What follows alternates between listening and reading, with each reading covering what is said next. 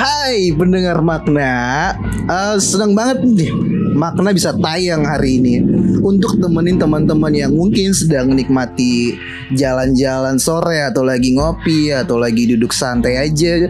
Gue Putra dan rekan gue Dina. Hai Ne. Hai Put, apa kabar? baik gue baik gue baik. Lu apa kabar?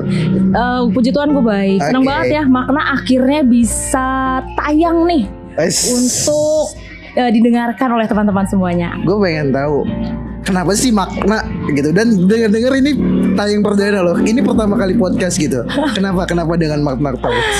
Uh, tujuannya ada podcast ini semoga uh, pendengar makna bisa mendapatkan manfaat positif dari setiap kisah-kisah uh, dari tamu-tamu yang dihadirkan oleh makna setiap Yap, Siaran. bener banget nah. Makasih banyak buat teman-teman yang dengerin. Makasih untuk supportnya. Jangan lupa subscribe apa gimana ini?